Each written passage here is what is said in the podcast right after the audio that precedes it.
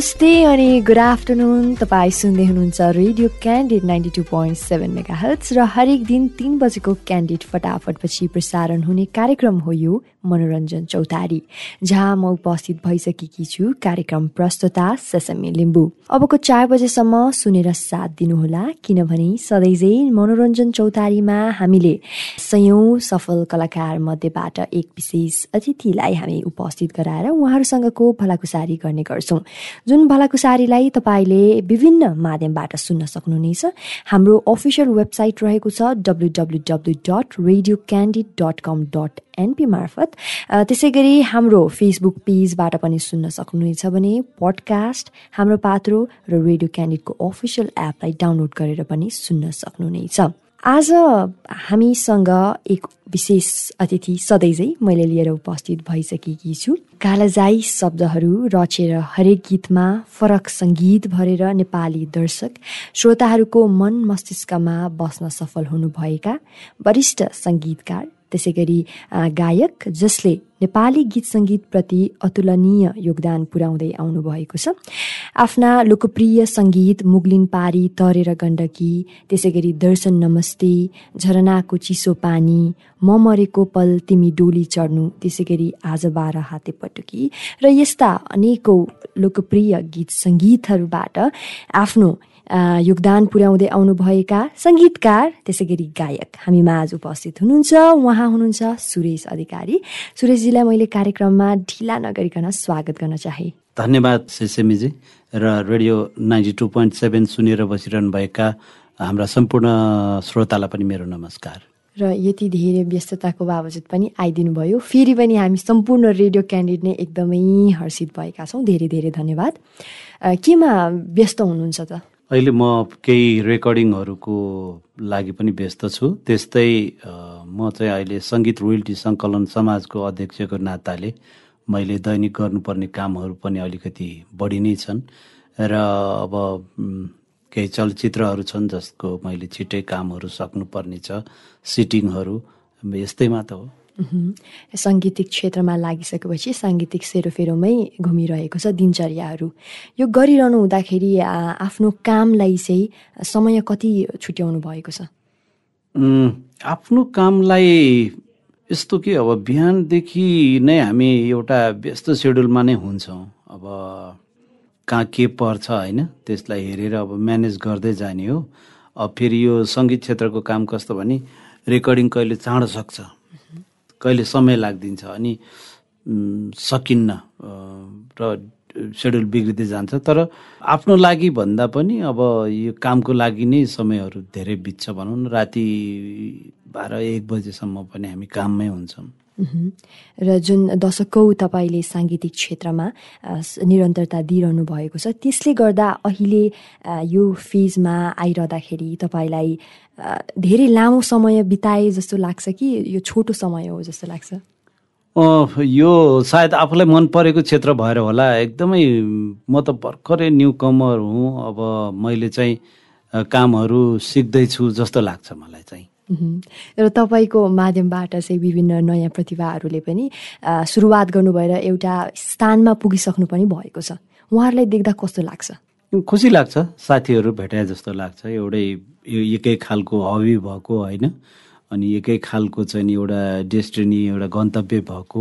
एकदम साथीहरू भेटाए जस्तो लाग्छ रमाइलो लाग्छ। र तपाईँले विभिन्न नयाँ प्रतिभा त्यसै गरी स्थापित प्रतिभाहरूसँग पनि काम गरिसक्नु भएको छ।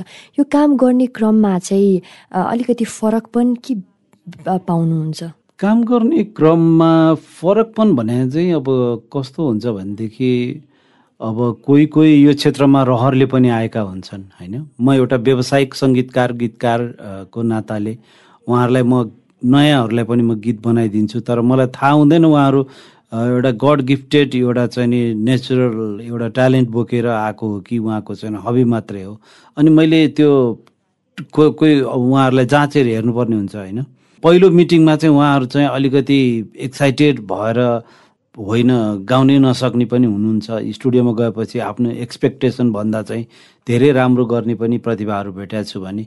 अब कोही कोही चाहिँ होइन अब एकदमै के यो पेसा पेसा नै मैले नगर्नु पर्थ्यो जस्तो चाहिँ गाउनै नसक्ने पनि प्रतिभाहरू पनि हुन्छन् होइन? र अब विभिन्न देशहरूमा हामी जान्छौँ गीत सङ्गीतको विषयलाई लिएर तर नेपालको गीत सङ्गीत एउटा संसारको बजारमा के अरे संसारको चाहिँ एउटा सङ् साङ्गीतिक परिवेशमा एकदमै युनिक र बहुत मिठो छ भनेर चाहिँ मैले विश्वको प्रतिक्रियाहरू मैले पाउँछु। तर अन्तर्राष्ट्रिय बजारमा हाम्रा गीत सङ्गीतहरू चल्न नसकेको देखेर चाहिँ उदेक लाग्छ होइन? त्यस्तै छ।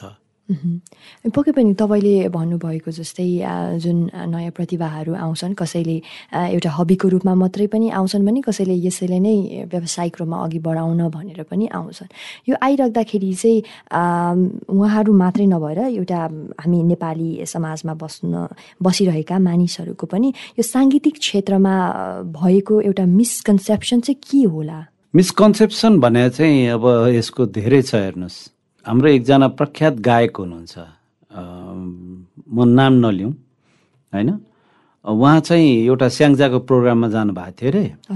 अनि के भयो अरे भने गाडी बिग्रियो अरे उहाँको। अनि पोखरासम्म चाहिँ उहाँ अर्को गाडीमा आउनु भएछ बस चढेर आउनुभएछ सार्वजनिक यातायातमा। अनि त्यसपछि बाटोमा चाहिँ एउटा सिटमा मान्छे भेट भएछ। एकजना वरिष्ठ नागरिक बुढा मान्छे। अनि बाबु काम के गर्छौ? भनेर भनेछन्। परिचय गर्ने क्रममा। भन्दा चाहिँ अनि उहाँले भन्नुभएछ म गीत गाउँछु भनेछन् हाम्रो गायकले। अनि उहाँले फेरि सोध्नु भएछ होइन अनि म काठमाडौँबाट आएको म गीत गाउँछु गायक हुँ भन्नुभएछ। ए ए ए तपाईँ गायक हो ए गीत गाउनुहुन्छ? अनि काम चाहिँ के गर्नुहुन्छ भने अनि फेरि म गीत गाउँछु भने गीत त म पनि गाउँछु काम चाहिँ के गर्नुहुन्छ भनेर चाहिँ बुढा मान्छेले सोध्नु भयो अरे होइन? भने मतलब सङ्गीत एउटा काम पनि हो यसैमा मान्छे बाँचेको हुन्छन्। यो पनि कसैको चाहिँ एउटा क्षेत्र बन्न सक्छ भन्ने विषय पनि मान्छेलाई थाहा नभएको क्षेत्र पनि छ होइन? अनि अर्को थरी मैले यहीसँग मिल्दोजुल्दो कस्तो खालको मान्छेहरू मैले भेटेको छु भने लौन बाबु मेरो त नाति साह्रै नै बिग्रियो होइन। केही पनि काम जान्दैन यसो नाच्ने गाउनेतिर लगेर लगाइदिन सकिँदैन भनेर भन्नुहुन्छ कि? भने मतलब यो एकदमै हल्का विषय। अनि कोही कोही आउनुहुन्छ एउटा गीत मलाई पनि बनाइदिनु न होइन? अनि एक एक थरी मान्छेहरू भेट हुनुहुन्छ। कलाकार भयो भने त विदेश जाने एकदम सजिलो हुन्छ अरे। गीतहरू रेकर्ड गरिदिनु न।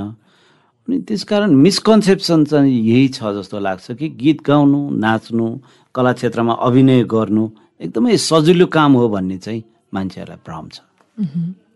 लाइक एनी अदर प्रोफेसन यो पनि एउटा प्रोफेसन हो भनेर चाहिँ मानिसहरूले लिइसकेका छैनन्।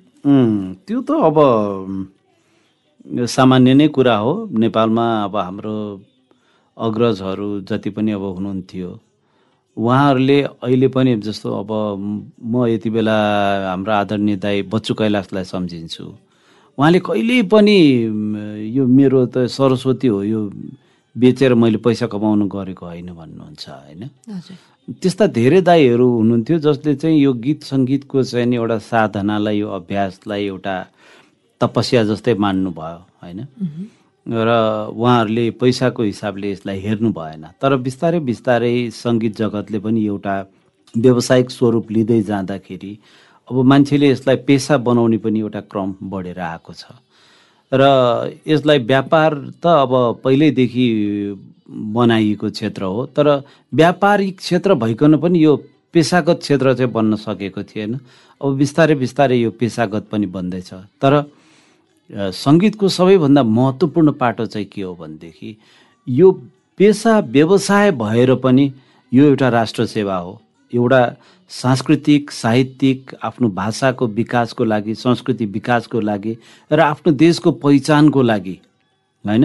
यो सबैभन्दा एउटा एउटा प्रतिष्ठित भनौँ अथवा सबैभन्दा प्रभावकारी यो माध्यम हो कि यसले राष्ट्रियतालाई एउटा जोगाउँछ यसले भाषा संस्कृतिलाई जोगाउँछ। यो राज्यको प्रमुख अङ्गहरूमध्येको एउटा अङ्ग हो होइन? नाच्नु गाउनु र यहाँको संस्कृतिको झगेर्ना भनेको कुरो राज्यले चाहिँ हरेक राज्यले यसलाई चाहिँ नि सबैभन्दा माथि एउटा उच्च मूल्याङ्कन गरेर सबैभन्दा माथि राखेको हुन्छ। तर अब नेपालमा चाहिँ के छ भनेदेखि अहिले देशभन्दा पनि बढी आफ्नो प्राथमिकता बोकेका चाहिँ नि दल र नेताहरूले गर्दाखेरि यो क्षेत्र अलिकति ओझेलमा परेको जस्तो भएको छ। तर जे होस् यो क्षेत्रको महत्त्व पनि बढेर जाला र यसलाई पेसा व्यवसाय बनाउने मात्रै होइनन्। यो पेसामा छु भन्दा एउटा गर्व गर्ने एउटा पुस्ता पनि जन्मिएला। पक्कै पनि साङ्गीतिक क्षेत्र अथवा यो इन जेनरल यो क्षेत्र चाहिँ यस्तो पावरफुल मिडियम हो जसले एकदमै प्रभावकारी भूमिका खेल्न खेल्छ। हजुर। यो कुरा भइरहँदाखेरि पनि हामी अहिले कति सक्सेसफुल स्टोरिजहरू पनि सुनिरहेका छौँ होइन? स्थापित भएका त्यसै गरी यो स्कोपहरू पनि बढ्दै जाँदा पनि अझैसम्म हामीले यसलाई सिरियसली किन लिन नसकेको होला? होइन यो हेर्नुहोस् अब नेपाल भनेको यस्तो मुलुक हो कि यो जुन बेलामा एउटा एकीकरण भयो एउटा राष्ट्रको रूपमा एउटा यसले चाहिँ स्वरूप लियो त्यो बेलादेखि नै राजनीतिक स्थायित्व भने कहिल्यै पनि छैन। अब राजा पृथ्वीनारायण शाहको पालामा चाहिँ एकीकरण भएको इतिहासदेखि मात्रै हेरौँ। त्योभन्दा अगाडि त अब हामी एउटा छुट्टा छुट्टै एउटा भुरे टाकुरे राज्यहरूको चाहिँ आधारमा आफ्नो एउटा जनजीविका चलाइरहेको एउटा पछौटे समाजमै थियौँ। एउटा सिङ्गो देश बनिसकेपछि पनि राजा पृथ्वीनारायण शाह राज्यलाई चाहिँ विस्तार गर्ने एकीकरण गर्दा गर्दै बेच्नु भयो त्यसपछिका सबै राजाहरू उहाँको छोरा भएन। उहाँ उहाँको छोरा नभएपछि भाइलाई मुक्तियारी गयो।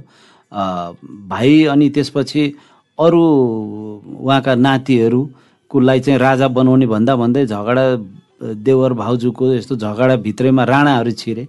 राणाहरू छिरेर उनीहरूले चाहिँ नि एकलौटी यो देशको कला संस्कृति भन्दा पनि आफ्नो मोज मस्तीमै बिताए। त्यसपछि आएर चाहिँ नि प्रजातन्त्र आयो प्रजातन्त्रपछि पनि बिपीको र चाहिँ राजा महेन्द्रको एउटा लफडा भयो। त्यसपछि अरू अरू पार्टीहरू जन्मिए आन्दोलन हुँदै गयो तिस वर्ष पञ्चायती शासनमै गयो। अब त्यहाँ पनि चाहिँ कला संस्कृतिको विकास गर्ने अथवा अर्को क्षेत्रको विकास गर्ने ठुल्ठुलो कल कारखाना उद्योगका कुराहरू विकासका चाहिँ प्र विज्ञानका प्रगतिका कुराहरू केही पनि भएनन्। त्यसपछि आएर छयालिस सालमा आएर चाहिँ एउटा जनआन्दोलन भनेर जनआन्दोलन भयो। त्यसपछि दलहरूको आपसी खिचातानी यो विषय र त्यो विषय यो दल फुट्ने उसलाई यो भाग नपुग्ने त्यस्तो आपसी खिचातानीमा मात्रै एउटा राज्य छ र योभन्दा अगाडि भर्खरै बनेको एउटा चाहिँ नि स्थिर सरकार पनि आपसी खिचातानीको आधारमा चाहिँ यो चाहिँ पार्टी फुट्यो र सरकार अहिले अस्थिर छ होइन?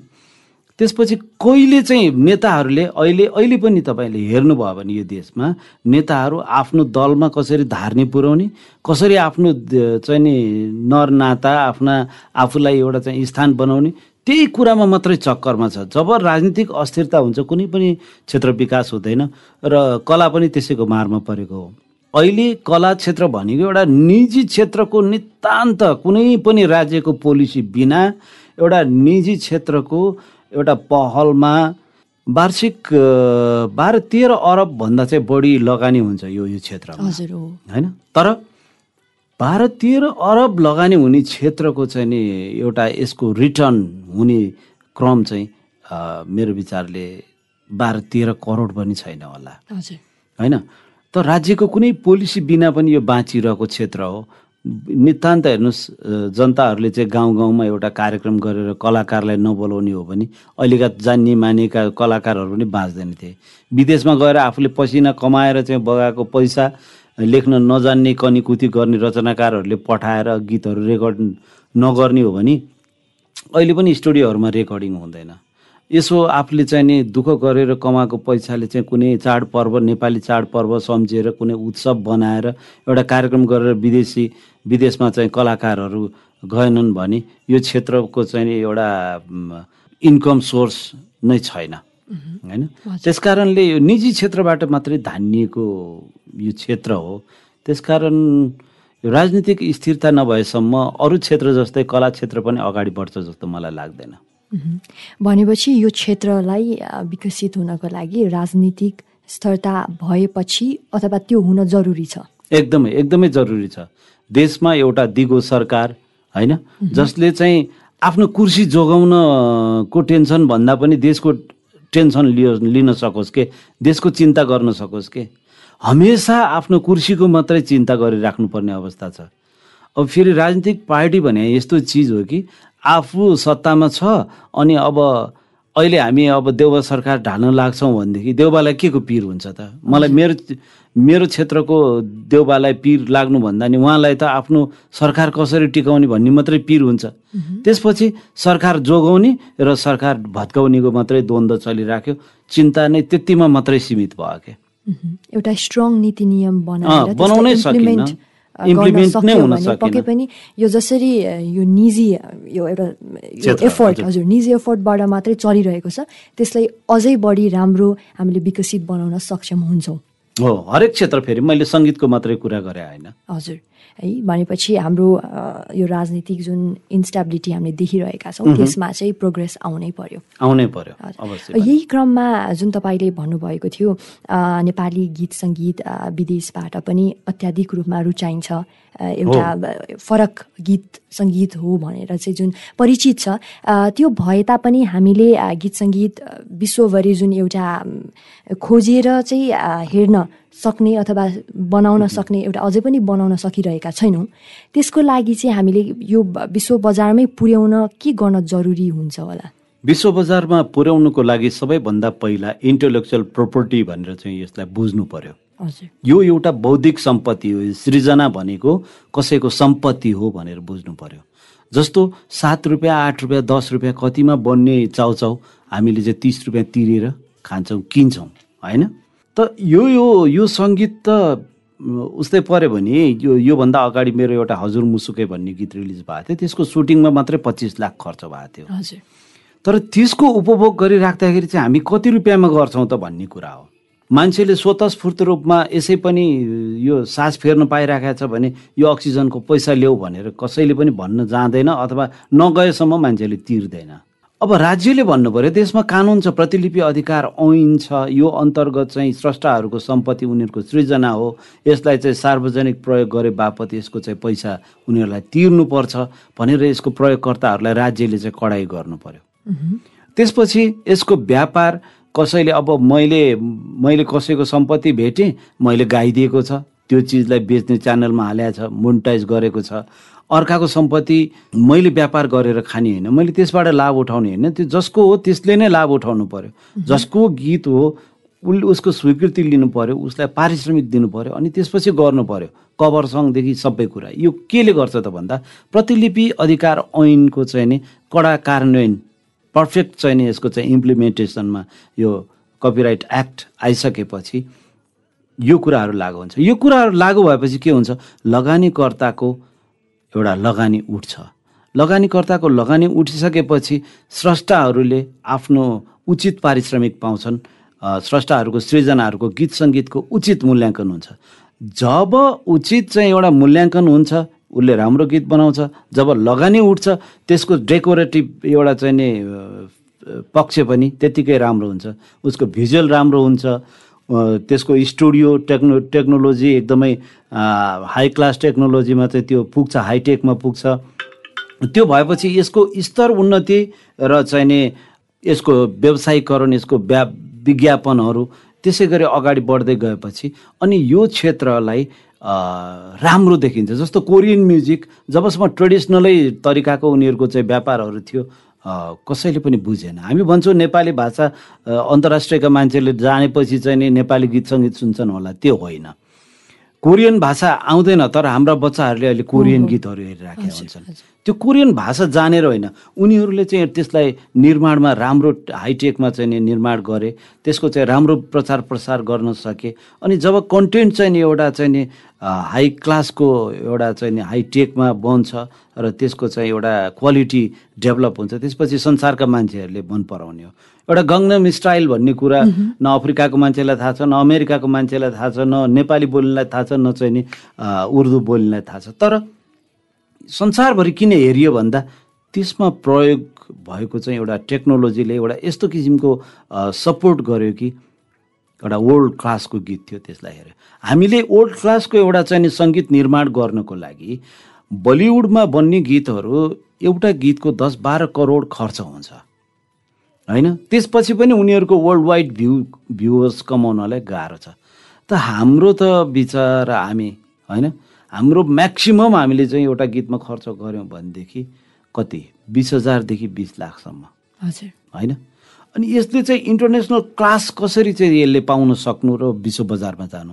त्यसकारण सबै कुरा चाहिँ नि केमा भर पर्छ भनेदेखि यसको बिजनेसमा भर पर्छ यसको लगानी उठाउने कुरामा भर पर्छ। र त्यो भनेको चाहिँ कपिराइट एक्टलाई एकदम कडाइका साथ लागू गरिदिने सरकार भयो भनेदेखि हेर्नुहोस् हामी दुई वर्षभित्र नै इन्टरनेसनल्ली हाम्रो नेपाली म्युजिकहरूको चाहिँ एउटा दबदबा भएको हेर्न सक्छौँ। वी हेभ द्याट क्वालिटी होइन? त क्रिएटिभली तर टेक्निकल्ली हामीसँग केही पनि छैन। भनेपछि हामी पूर्वाधारमा चाहिँ एकदमै बढी ल्याक गरिरहेका छौँ। हो। यो जुन तपाईँले भन्नुभयो यो सृजनाको हिसाबमा हामी अत्यन्तै माथि छौँ। तर यसलाई कसरी व्यावसायिक बनाउने भन्ने टेक्निक्स एन्ड टुल्समा चाहिँ हामी अलिकति पछि धेरै परिरहेका हौँ। पछि छौँ नि। अनि यसमा लगानी उठ्ने एउटा वातावरण बन्यो भनेदेखि हामीसँग त्यो क्यापेसिटी त्यो क्यालिबर त्यो चाहिँ क्वालिटी नभएको होइन नि। तर हामीले कुन एउटा प्रविधिमा रेकर्ड गर्ने भन्ने कुरा हुन्छ कि? हामीले रेकर्ड गर्न जाने जाने स्टुडियो त्यसको टोटल कस्ट कति हुन्छ? एउटा त्यति नै लगानी गरेर त एउटा राम्रो प्रोफेसनल एउटा मोनिटर एउटा स्पिकर पनि आउँदैन कि? होइन? तपाईँलाई भन्दा अचम्म लाग्ला एउटा माइक्रोफोनको एउटा ज्याकको जति पैसा पर्छ नि प्रोफेसनल्ली एकदम पर्फेक्ट साउन्डको लागि हजुर। त्यो मिक्सरमा जोड्ने माइक्रोफोनको ज्याक पनि आउँदैन हाम्रो एउटा इन्कमले। अँ इन्कमले। भनेपछि जुन जस्तो किसिमको इन्कम आउनुपर्ने हो त्यो किसिमको इन्कम हामीले पाइरहेका पाइरहेका त्यसले गर्दा। हामी कलाकारहरू एकदमै मारमा परिरहेका छौँ। पाँच लगानी गर्ने मान्छेले पचास बनाउनु सक्नु पर्यो नि। नभए पनि दस बनाऊ भनेदेखि यो चाहिँ एउटा चाहिँ नि एउटा सन्तुष्टि नै छ यसबाट चाहिँ भनेर एउटा एउटा हुनसक्छ कि? दस होइन? सातै भयो भने पनि सर्भाइभ हुन्छ कि? ल पाँच मात्रै फर्क्यो भने नि ओके हुन्छ? पाँच लगानी गर्ने मान्छेलाई कम्तीमा यसैमा म चाहिँ एउटा सर्भाइभल एउटा चाहिँ मेरो क्षेत्र एउटा चाहिँ मेरो एउटा परिचय त बनाइराखेको छु। तर यहाँ त पाँच लगानी गर्ने मान्छेको चाहिँ नि पोइन्ट पाँच होइन? एक म्याक्सिमम आयो भने त्यस्तो लगानी फिर्ता भएपछि त अनि यो सेक्टरमा कसले लगानी गर्ने? एक्सपेक्ट गरे अनुसार इन्कम नआए तापनि हामीले ब्याक टु ब्याक लगानी गरिरहेको पनि देखिरहेका छैनौँ। अँ यो यो चाहिँ कस्तो हो भनेदेखि केही केही टाटा बाठा मान्छेहरू छन्। जसले चाहिँ के गर्छ भने एउटा गीत एउटा सङ्गीत अथवा एउटा म्युजिक भिडियो बन्नको लागि त्यहाँ कहाँ कन्ट्रिब्युसन चाहिँ पचासौँजनाको हुन्छ सयौँजनाको हुन्छ होइन? तर त्यो कन्ट्रिब्युसन मध्ये अरू उनान्सयजनालाई चाहिँ मारियो उनीहरूलाई भोकै राख्यो भने एकजना मोटाउने एउटा बाटो पनि हुन्छ क्या त्यो चाहिँ चोरी हो त्यो ठगी हो त्यो पाइरेसी हो होइन?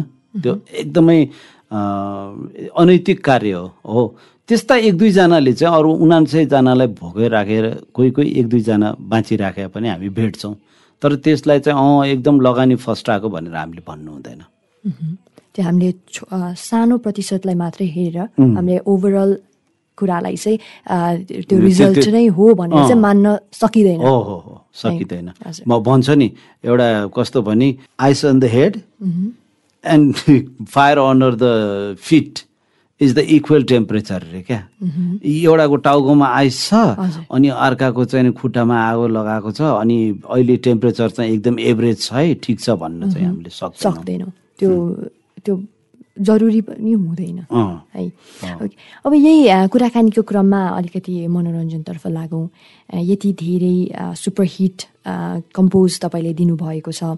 यसमध्येबाट हाम्रो श्रोताहरूलाई थोरै गुनगुनाइदिन आग्रह गर्छु। के के गुनगुनाउँ होला त मलाई? मेरो अहिले मेरो गुनगुनायो भने श्रोताहरू फेरि अहिले रेडियो बन्द गरेर गर्नु होला कि भाग्नु होला कि भन्ने पिर लाग्छ? तपाईँ भन्नु नि त के सुनाइदिउँ? मलाई एकदमै मलाई पनि मनपर्ने र बाल्यकालमा मैले पनि यो गीतमा अत्याधिक रूपमा नाचेकी थिएँ। आज बाह्र हाते पटुकी। मैले। आग्रह गरेँ तपाईँलाई। आज बाह्र हाते पटुकीको कुरा गर मायालु। बाँधे कम्मर भाँच्न मन लाग्यो। तिम्रो रोदी घर मारुनीको कुरा गर मायालु। मलाई छम छम छम नाच्न मन लाग्यो। ए परदेशी तिमी सँग चोखो। साइनो घाँस्न मन लाग्यो। मलाई छम छम छम नाच्न मन लाग्यो। Thank you thank you so much साँच्चीकै मलाई पनि गीत सुन्दाखेरि छमछमै नाच्न मन लागिरहेको थियो। यो जुन यति धेरै तपाईँले लोकप्रिय सङ्गीत दिइसक्नु भएको छ मैले जान्न चाहेँ तपाईँको यो साङ्गीतिक यात्रामा तपाईँलाई एउटा सफल सङ्गीतकार सुरेश अधिकारी भनेर चिनाउन कुन गीतले चाहिँ रोल प्ले गरेको थियो? मलाई मेरो विचारले मेरो फर्स्ट सङ जुन चाहिँ नि मैले गाएको र सङ्गीत गरेको थिएँ होइन? म मरेको पल तिमी डोली चढ्नु वीरेन्द्र दाईले लेख्नु भएको थियो वीरेन्द्र राईले। हजुर। उहाँको चाहिँ रचनामा मैले गाएको गीत त्यसले नै मलाई एउटा धेरै नै लोकप्रिय बनाएको थियो। त्यति बेला रेडियो नेपालमा चाहिँ सबैभन्दा बढी फरमाइस आउने गीतहरू मध्येको यो पर्थ्यो अनि मलाई एउटा चलचित्रमा चाहिँ इस्टाब्लिस गरेको चलचित्र माया नमारको अघि तपाईँले उल्लेख गर्नुभएको मुगलिन पारी तरेर गण्डकी टिकुली है मेरो टल्ल टल्ल टल्कनालाई होइन। सुचेलीले बसन्तलाई डाकु डाकु जस्तो।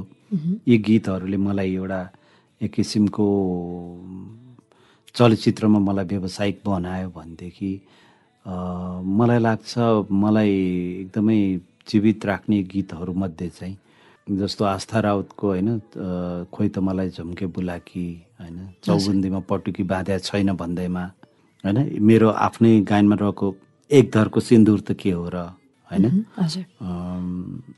अनि यो पुरानो हुँदैन माया आज बाह्र हाते पटुकीको कुरा गर मायालु। अनि अब हेमन्त शर्माले गाएका गीतहरू जस्तो मुल हो भने रसाइदेऊ। जाला उडेर मेरो जाले रुमाल होइन? यस्ता यस्ता गीतहरूले नै होला मलाई चाहिँ अलि पछिसम्म एउटा सस्टेनेबल बनाएको होइन? डाँडा पाखा छ हराले भयो। हजुर। त्यस्तै गीतहरू होलान्। तपाईँका मेजोरिटी अफ सङ्ग्स सुपरहिट छन् है? लोकप्रिय छन्। यो सिर्जना कसरी फुर्छ त्यो सिर्जना गर्ने क्रममा तपाईँलाई कुनै बेला एक्सपेक्ट भएको थियो कि थिएन? मैले गरेका गीतहरू यसरी नै एक्सपेक्टेसन भन्ने चिज चाहिँ गरिँदैन। तर सृजना कसरी फुर्छ भन्दाखेरि तपाईँको स्टुडियोमा म एउटा फोटो हेरिरहेको छु त्यहाँ हिमाल छ एउटा पहाडहरू छ होइन? अनि त्यो पहाडबाट एउटा झरना बगेको छ। त्यो पहाडबाट कसरी पानी झर्छ? हाम्रो पनि सृजना त्यो त्यही नै हो कि? हामीलाई थाहा हुँदैन कि हामी भित्र त्यो एउटा प्रकृतिले भरेको छ एउटा सङ्गीत।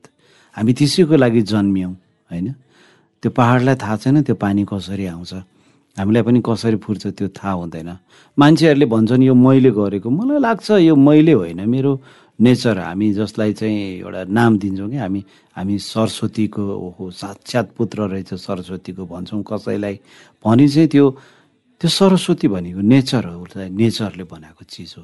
र मलाई के लाग्छ भनेदेखि हो कहिलेकाहीँ हामी मान्छे हौँ हाम्रो चाहिँ फिलिङ्सहरू धेरै हुन्छ तर कहिलेकाहीँ म दुःखी भइरहेको बेलामा पनि मैले खुसीको सङ्गीत भर्नुपर्ने हुन्छ त्यो मेरो एउटा व्यावसायिक बाध्यता हो।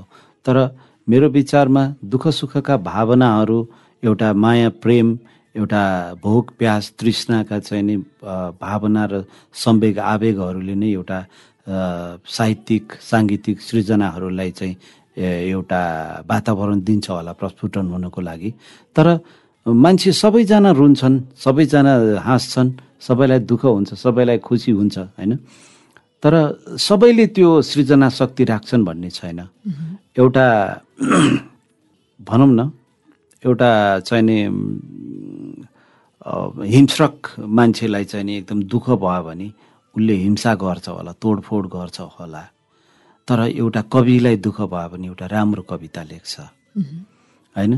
होला अरू अरू खुसी भयो भनेदेखि एकदम हा ऊ चिचाउँछन् होला। तर एउटा सङ्गीतकार एउटा रचनाकार गीतकार खुसी हुँदा एउटा राम्रो रमाइलो गीत लेख्छ।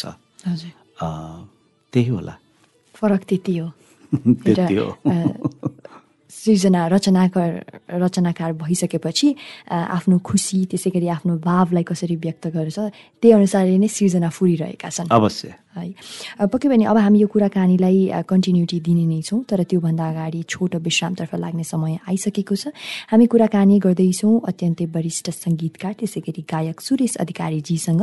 उहाँसँगको कुराकानी तपाईँले विभिन्न माध्यमबाट सुन्न सक्नुहुनेछ हाम्रो official website W W W dot radio candid dot com dot NP त्यसै गरी फेसबुक पेज पडकास्ट हाम्रो पात्रो र रेडियो क्यान्डिडको अफिसियल एप मार्फत पनि सुन्न सक्नुहुनेछ यो छोटो विश्रामपछि हामी फर्किने नै छौँ। त्यतिन्जेलसम्म सुनेर साथ दिनुहोला मात्र radio candid ninety two point seven megahertz यो भोइस यो power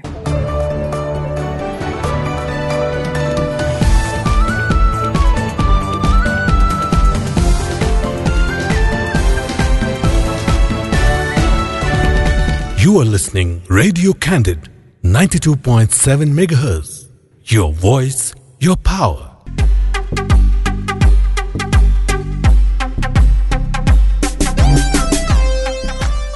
यो विश्रामपछि पुनः स्वागत छ। सुन्दै हुनुहुन्छ कार्यक्रम मनोरञ्जन चौतारी। जुन आउने गर्छ हरेक दिन तिन बजेको क्यान्डिड फटाफटपछि मात्र चार बजेसम्म र म छु तपाईँको साथमा कार्यक्रम प्रस्तुता ससमी लिम्बू। आज हामीसँग कुराकानी गर्ने क्रममा हुनुहुन्छ नेपालमा अत्याधिक रुचाइएका अत्यन्तै वरिष्ठ सङ्गीतकार त्यसै गरी गायक सुरेश अधिकारी। उहाँसँगको कुराकानी तपाईँले हाम्रो official website Facebook page podcast हाम्रो पात्रो र रेडियो क्यान्डिडको अफिसियल एप मार्फत सुन्न सक्नुहुनेछ। कुराकानीलाई मैले निरन्तर दिने क्रममा सुरेशजीलाई पुनः स्वागत गर्न चाहे कार्यक्रममा। हजुर धन्यवाद। हामी सृजनाका कुरा गर्दै थियौँ र यही कुराकानीकै क्रममा विश्रामपछि मैले तपाईँलाई फेरि पनि एउटा गीत गाउन आग्रह गरेँ। पुरानो हुँदैन माया जुनी जुनीलाई पनि।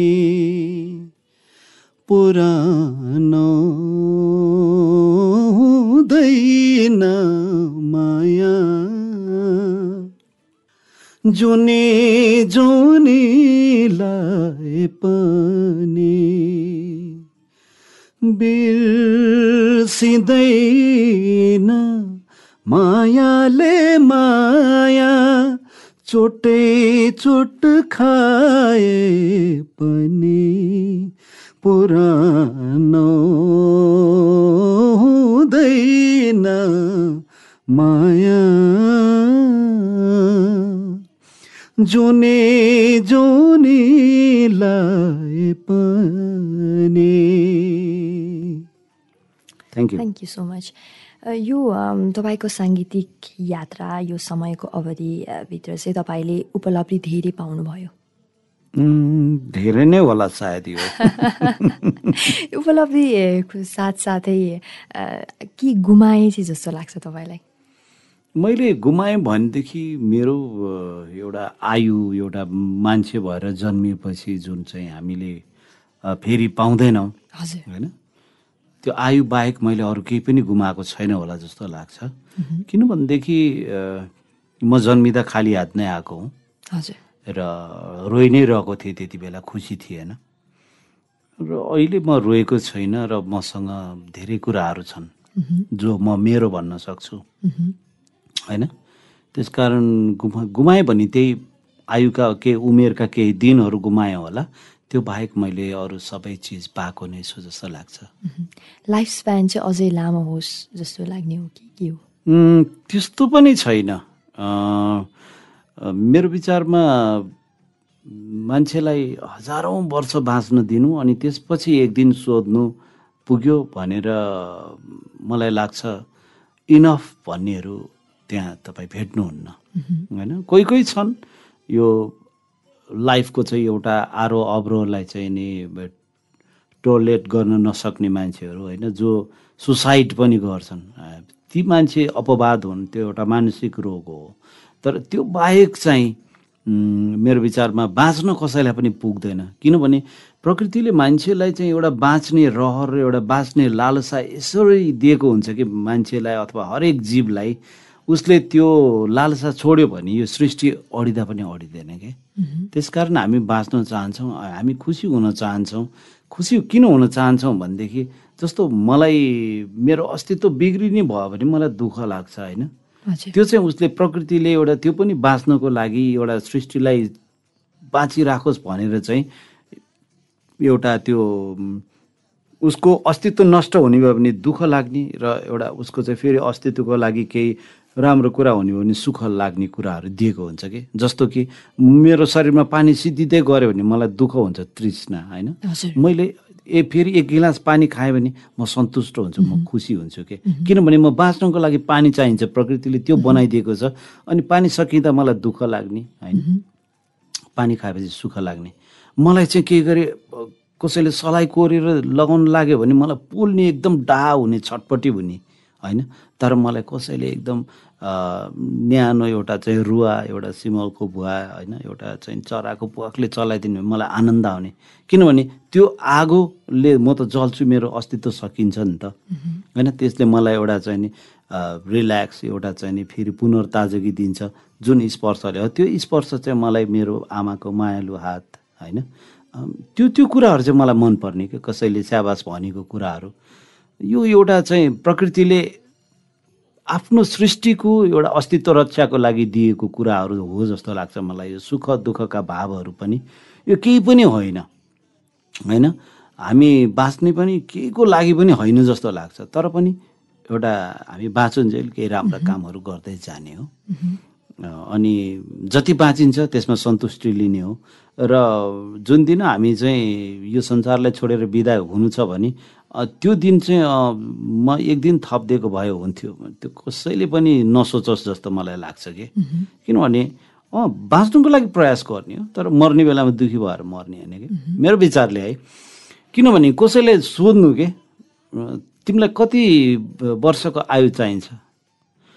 एउटा भर्खर टिन एजमा टेक्दै गरेको बच्चाले सोच्ला अब म दस वर्षमा मेरो स्टडी कम्प्लिट हुन्छ त्यसपछि म पन्ध्र वर्ष जागिर खान्छु। अनि त्यसपछि त्यो बिचमा मैले बच्चा पाउँछु। ठिक छ मलाई एउटा बच्चा हुर्किन्जेल मलाई बाँच्नु देऊ तर बच्चा हुर्केपछि गएर एउटा बर बच्चा हुर्केको बुढालाई सोध्नु बाँच्नु पुग्यो? भनेर "अँ, बाबु कहाँ? म त बिहान बिहान मर्निङ वाक गरिरहेको छु। जीवन कसैलाई पनि पुग्दैन। तर लोभ गरेर आउने चिज पनि होइन। जब तपाईँ बाँच्नुहुन्छ तपाईँ बाँच्नुपर्छ जिउँदो भएर बाँच्नुपर्छ त्यही हो। यो चिजहरू चाहिँ सृष्टिले नै बनाएर पठाएको एउटा सर्टेन रुल भनौँ न जुनमा चाहिँ हामी। अब्लिक छौँ त्यसलाई फलो गर्नको एकदमै। है। यो घर- भनिरहँदाखेरि चाहिँ जुन तपाईँ यो क्यासेटदेखि लिएर कुनै बेला सिडीको पनि प्रविधि थियो होइन? पिआबिटी त्यसै गरी सिआबिटी अ, त्यसपछि जुन एउटा हाम्रो यो साङ्गीतिक माहौललाई डिजिटाइज भइदियो होइन? प्रविधिले अत्याधिक रूपमा इन्फ्लुएन्स गरिरहँदाखेरि चाहिँ जब त्यो सर्टेन चेन्जेसहरू आइरहँदाखेरि यो हाम्रो साङ्गीतिक व्यवसायलाई कसरी परिवर्तन ल्याइरहेको थियो? एकदमै राम्रो क्वेसन लाग्यो मलाई। यो कुरा चाहिँ कस्तो भने कहिलेकाहीँ हाम्रो नेपाली म्युजिकको एउटा गोल्डन एजको विषयमा छलफल हुन्छ कि? एउटा स्वर्णिम युग। के थियो त भन्ने कुरा? प्राय जसोले के भन्नुहुन्छ भनेदेखि एउटा चलिआएको मान्यता गोल्डन एज भनेर चाहिँ केलाई मानिन्छ भने जुन बेलामा अम्बर गुरुङ गोपाल योन्जन नारायण गोपाल ईश्वर बल्लभ नगेन्द्र थापा होइन? मानव यस्ता यस्ता चाहिँ नि हस्तीहरूले होइन तारादेवी प्रेमध्वज प्रधान माणिक रत्न उहाँहरूले चाहिँ नि एउटा गाउँदाखेरिका ती दिनहरू होइन मास्टर रतनदास प्रकाश भए भक्तराज आचार्य हुनुभयो बच्चु कैलाशहरू कुमार बस्नेतहरू उहाँहरूको गीतको युगलाई मान्छेहरूले एउटा स्वर्ण युग भन्छन् त्यो एउटा मान्यता हो।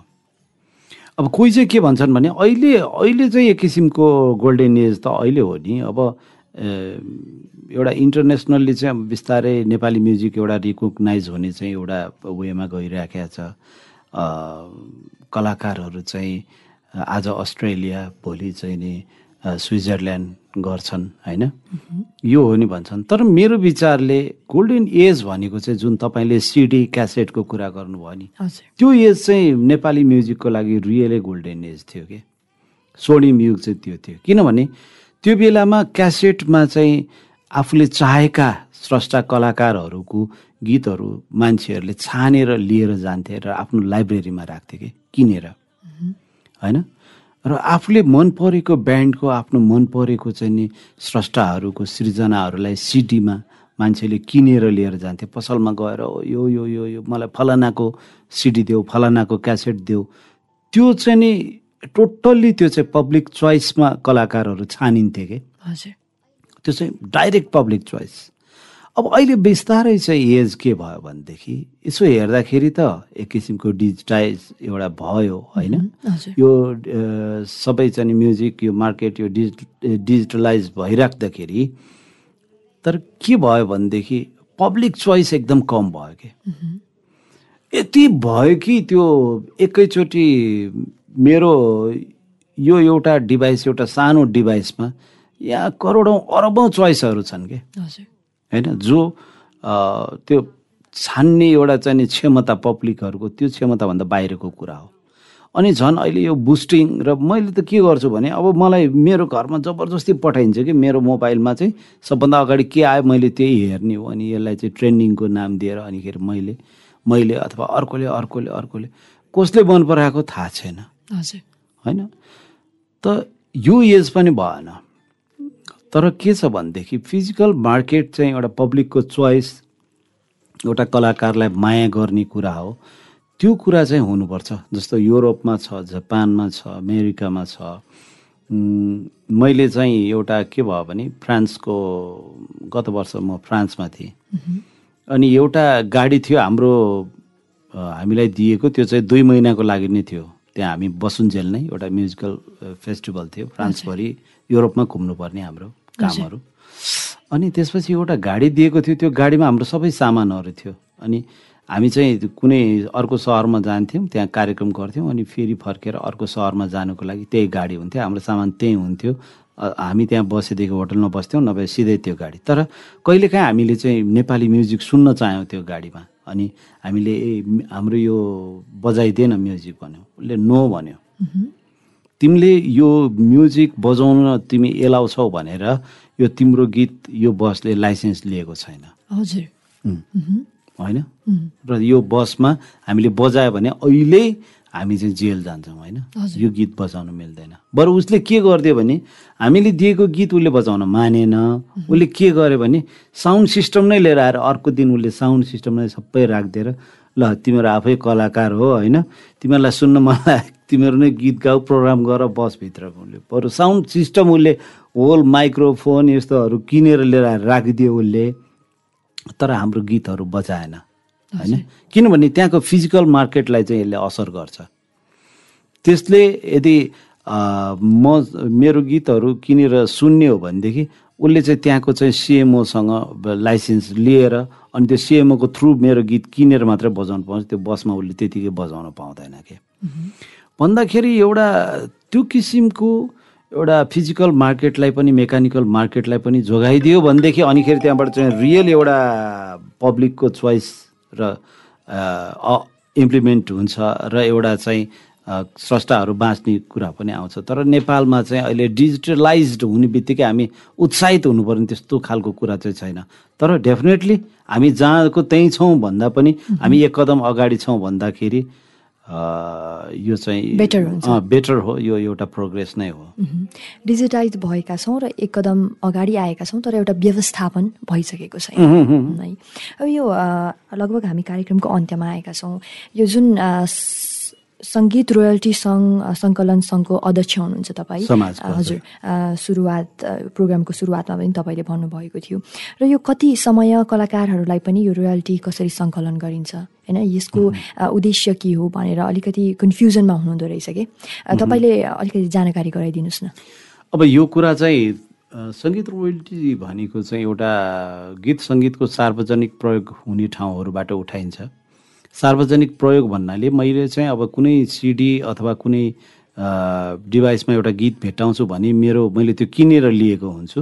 र त्यो किनेको चिज मेरो परिवारभित्र मैले यदि चाहिँ युज गर्छु भने त्यो प्राइभेट युज भयो।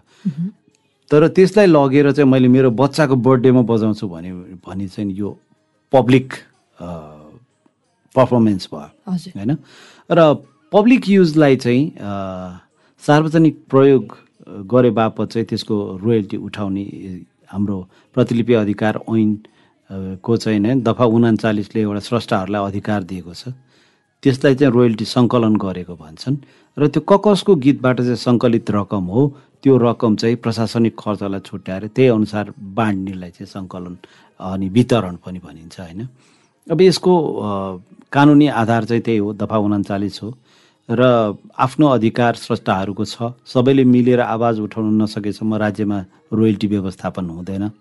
तर पनि हामी केही कामहरू गरिरहेका छौँ।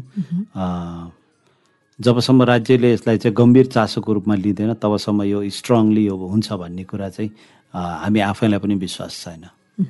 र यस्तै समाज र सङ्घ संस्थाको थ्रुबाट नै कलाकारहरूले पनि सर्टेन रोयल्टीहरू चाहिँ अब कलेक्ट गर्न सक्नुहुन्छ। अवश्य। यस्तै यस्तै सङ्घ संस्था त भन्नु भएन किनभने कानुनमा त एउटा मात्रै हुन पाउँछ यस्तो रोयल्टी सङ्कलन समाज। होइन आफ्नो रोयल्टी सङ्कलन समाजमा अब जस्तो म गायक हुँ भने प्रस्तुता समाज नेपालमा गएर चाहिँ मैले रोयल्टी लिनु पऱ्यो गायक गायिका हो भने।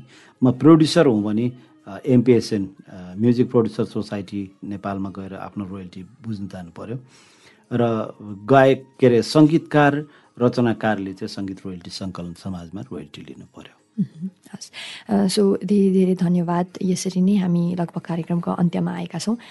थोरै के भन्न चाहनुहुन्छ लास्टमा? म सबैलाई धन्यवाद भन्न चाहन्छु जो हामीलाई सुनिराख्नु भएको छ। र यो radio candid ninety two point seven mega हर्जमा मलाई बोलाएर आफ्नो केही कुराहरू राख्ने अवसर दिनुहुने एकदमै ट्यालेन्टेड बहिनी सेसेमी लिम्बूलाई पनि मेरो धेरै धेरै धन्यवाद। थ्याङ्क यू सो मच यति धेरै व्यस्तताको बावजुद पनि आइदिनु भयो। अझै अहिले पनि फोन कल्सहरू आएको मैले देखिरहेको छु। धेरै धेरै धन्यवाद। र यसरी नै कार्यक्रम मनोरञ्जन चौतारी यहीँ समाप्त भइसकेको छ।